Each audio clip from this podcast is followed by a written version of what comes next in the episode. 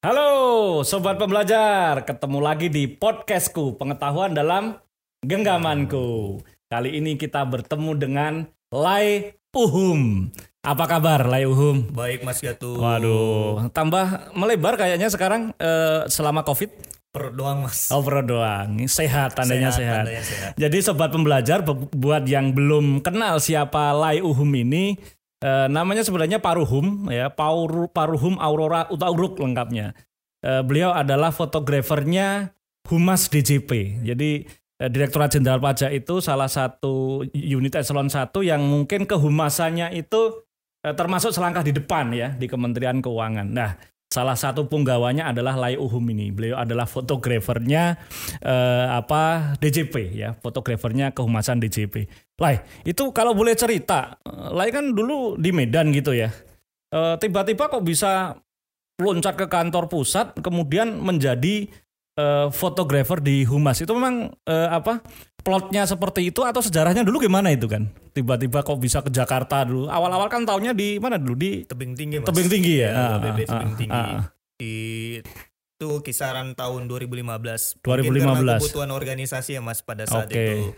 Jadi pindah ke Jakarta. Buat gantiin Mas Slamet ya waktu itu ya. Iya, Oke. Mas Slamet. Mas Slamet promosi gitu. Tapi kok Benar.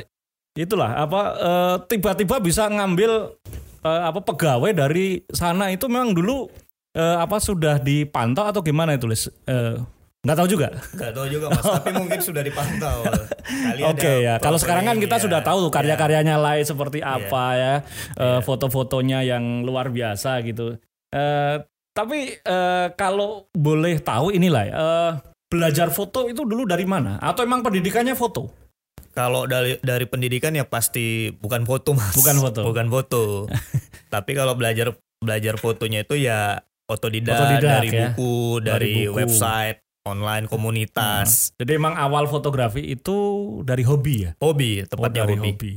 Oke ya pendidikannya pajak juga ya dulu Pasti ya. Sama pajak. kita ya. Sama sama sama. Oke, jadi pendidikannya pajak tapi hobinya memotret dan dari hobi yang digeluti itu ya sobat pembelajar Lai Uhum ini oleh organisasi di apa dipilih sebagai eh, fotografer pada akhirnya ya. Jadi kebutuhan organisasi menuntut eh, Lai Uhum untuk eh, apa untuk berkarya lebih di fotografi sekarang sudah eh, apa menjadi pekerjaannya. Eh ngomong-ngomong motret itu pekerjaan utamanya Lai sekarang atau masih ada tugas yang lain? Kalau motret itu sebenarnya ad hoc sih mas. Oh motretnya ad hoc. Ad hoc. Oke. Pekerjaan utamanya media relation. Oke, gitu. pekerjaannya media relation. Iya. Jadi ada tugas-tugas yang sesuai urjabnya masih ada di kantor. Ada, ada mas. Jadi kalau selama ini aku lihat nih atau teman sobat-sobat pembelajar lihat Lai Uhum ini ada acara Bu Menteri, acara Pak Dirjen ke mana gitu selalu ikut motret ke sana kemari. Itu di kantor tanggung jawab kerjanya masih ada. Masih ada mas. Wow. Masih ada. masih jadi teman-teman ya sampai saat ini di DJP ternyata eh, apa eh, meskipun di P2 Humas kegiatannya luar biasa padat gitu tugas utamanya di kantor masih ada Masih ya. ada. belum apa belum diterapkan di sana yang apa eh, fungsional pranata kehumasan itu belum ya Belum ada mas. belum kalau Belum di ada. biro KLI kan sudah ya Sudah ada. Biro Pranata Humas ya. pranata humas ya? Pranata Humas. itu teman kita eh, Om Edi Singo itu kan sekarang sudah total jadi fotografer di sana ya Benar, benar. Oke ya, mudah-mudahan nanti dipajak gitu juga ya. Mudah-mudahan mas. Ke depannya kan pasti ada. Oke. Setiap instansi. gitu. Uh-uh. Sekarang fotografernya di pajak itu selain Lai Uhum ada beberapa orang lagi. Ada satu lagi Aik. Oh, Dia megang Iya, itu Ai juga itu sama foto, itu ya, iya. Nastan juga, Anastan hobi motret juga, iya. sering lo- juara lomba foto ditarik gitu ya. Iya, dia suka lomba-lomba lah. Apa Oh, lomba gitu. dia ikutin. Sebagai penghasilan tambahan ya. Bener. Kalau iya memang kalau apa Lai lebih apa lebih bener kalau aku lihat sih lebih dulu kalau nggak salah belajar awalnya motret model juga ya. iya, pasti mas. Kayaknya semua fotografer. Tapi sekarang lebih kalau aku lihat di Instagramnya ya eh, di sosmednya lah ini lebih emang lebih ke foto jurnalistik banget foto-fotonya Lai kalau aku lihat gitu. iya mas. Kalau Ai kan masih apa masih banyak variasinya, Lai lebih kayaknya lebih serius di fotografi jurnalistik. Benar, Mas. Itu yang yang yang aku lihat ke sana ya. Nah, eh, kemudian itu Lai eh, mengatur apa mengatur waktunya gimana itu antara pekerjaan kantor dengan pekerjaan eh, apa eh, motret itu kan kan motret itu bukan hanya sekedar motret selesai kan kita Mas. motret balik harus milih foto harus mungkin eh, editing milih foto tapi juga pekerjaan kantor seperti itu ngatur waktunya gimana itu Ya dengan kondisi sekarang banyak aplikasi-aplikasi yang mobile ya mas Oh, ya gitu. Eh, untuk editing foto sambil jalan Nah, kita ngedit. artinya kita ya. nggak bisa apa kita nggak bisa apa nunggu nanti nanti ketika kita habis motret ah nunggu sampai kantor lah baru aku bukain nggak ya langsung di Nggak, situ juga ya? sambil berjalan juga mas. Wah, berarti seperti wartawan foto pada umumnya pewarta foto gitu juga ya dia ke mana bawa laptop habis itu langsung buka gitu ya juga ya, mirip mirip lah mas. tapi mereka kan itu kerjanya hanya itu kita masih Benar. punya te- kerjaan kantor Benar. gitu balik kantor kerjaan kantor Iya. luar biasa itu lebih lebih berat ternyata teman-teman ya jadi fotografer di instansi pemerintah dibandingkan dengan fotografer full pekerjaannya seperti wartawan foto. Ini kita baru tahu juga loh. Oke eh, kemudian itulah ya. Eh, kalau nggak salah tahun lalu atau dua tahun lalu itu yang eh, ada pewarta foto anugerah pewarta foto Indonesia 2019 mungkin ya? 2019. 2019 2019. Ya buat sobat pembelajar mungkin eh, apa eh, ada yang belum tahu juga Lai Uhum ini salah satu karyanya itu menjadi pemenang di anugerah pewarta foto Indonesia 2019 kategori citizen journalism. Itu ya. Itu jadi pemenang jadi foto foto pemenang citizen journalism. Bisa cerita nggak? Lai itu itu eh, apa sesuatu yang yang menurut saya eh, apa achievement yang luar biasa banget tuh buat buat buat eh, apa buat kita loh ya. Buat ter- terutama buat aku loh. karena nggak gampang.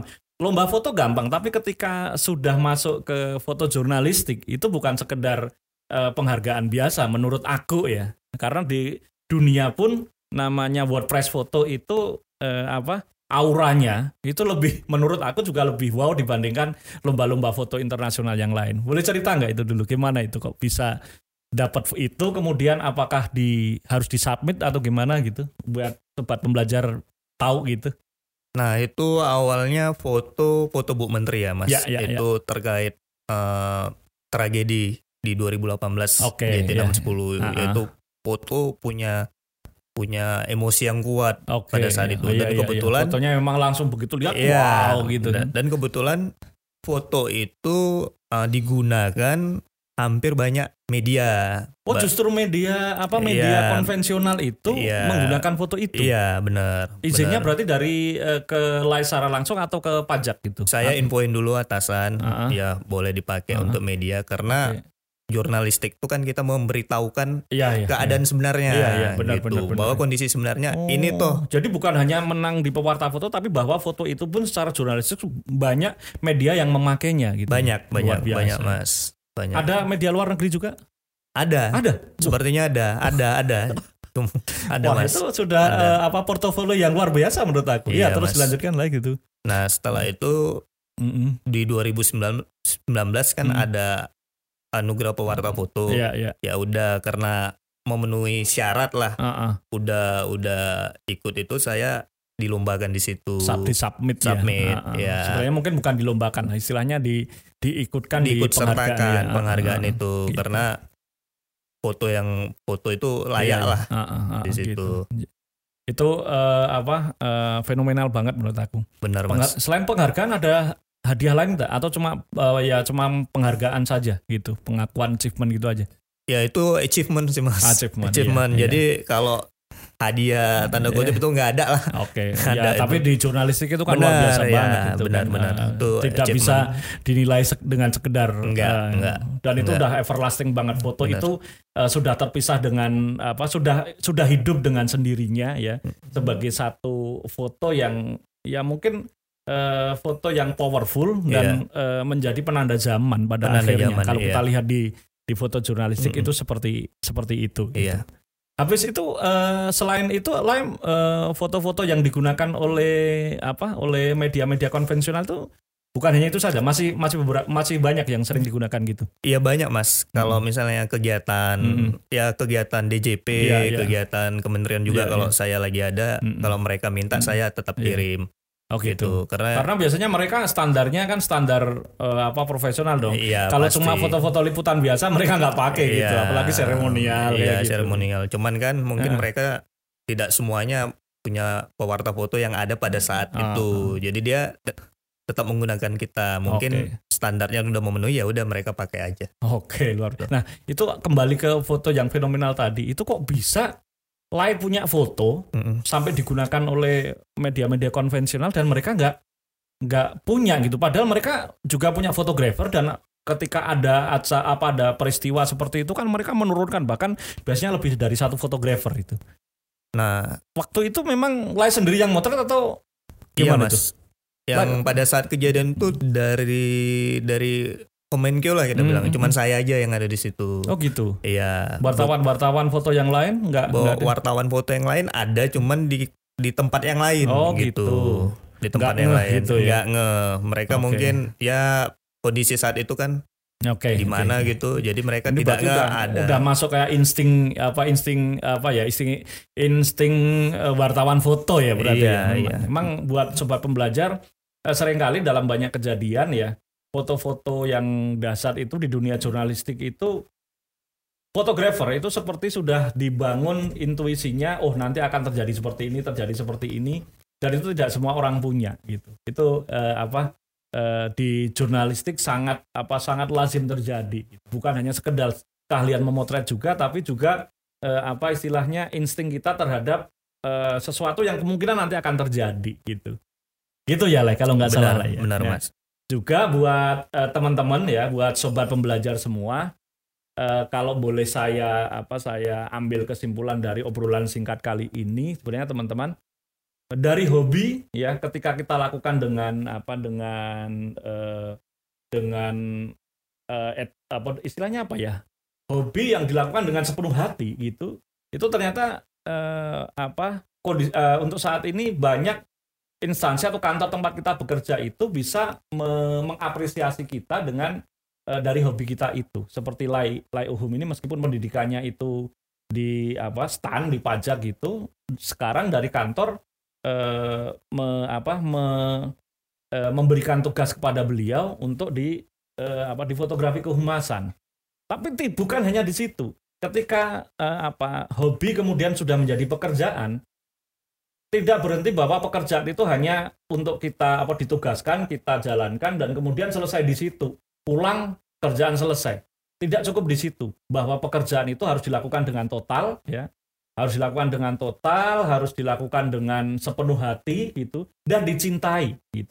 Karena eh, mustahil kalau hanya kita mengerjakannya cuman sekedar untuk menyelesaikan pekerjaan saja ya. Apalagi kayak eh, di fotografi seperti itu dibandingkan dengan kerja yang sepenuh hati fotografi itu dicintai, pada akhirnya akan muncul karya-karya yang luar biasa. Jadi eh, buat sobat pembelajar, jangan hanya berhenti di menyelesaikan pekerjaan saja, tapi kerjakan pekerjaan itu dengan apa? Dengan sepenuh hati dan eh, cintai pekerjaan itu. Gitu ya lah ya. Benar mas. Terima kasih loh inspirasinya hari ini ya. Eh, mudah-mudahan eh, bisa eh, tetap bekar- berkarya dan menginspirasi sobat-sobat pembelajar semuanya ya. Terima kasih mas. Thank you, thank you. Sehat selalu lah ya. Sama-sama mas. Begitu sobat pembelajar ya, stay tune terus di podcastku pengetahuan dalam genggamanku.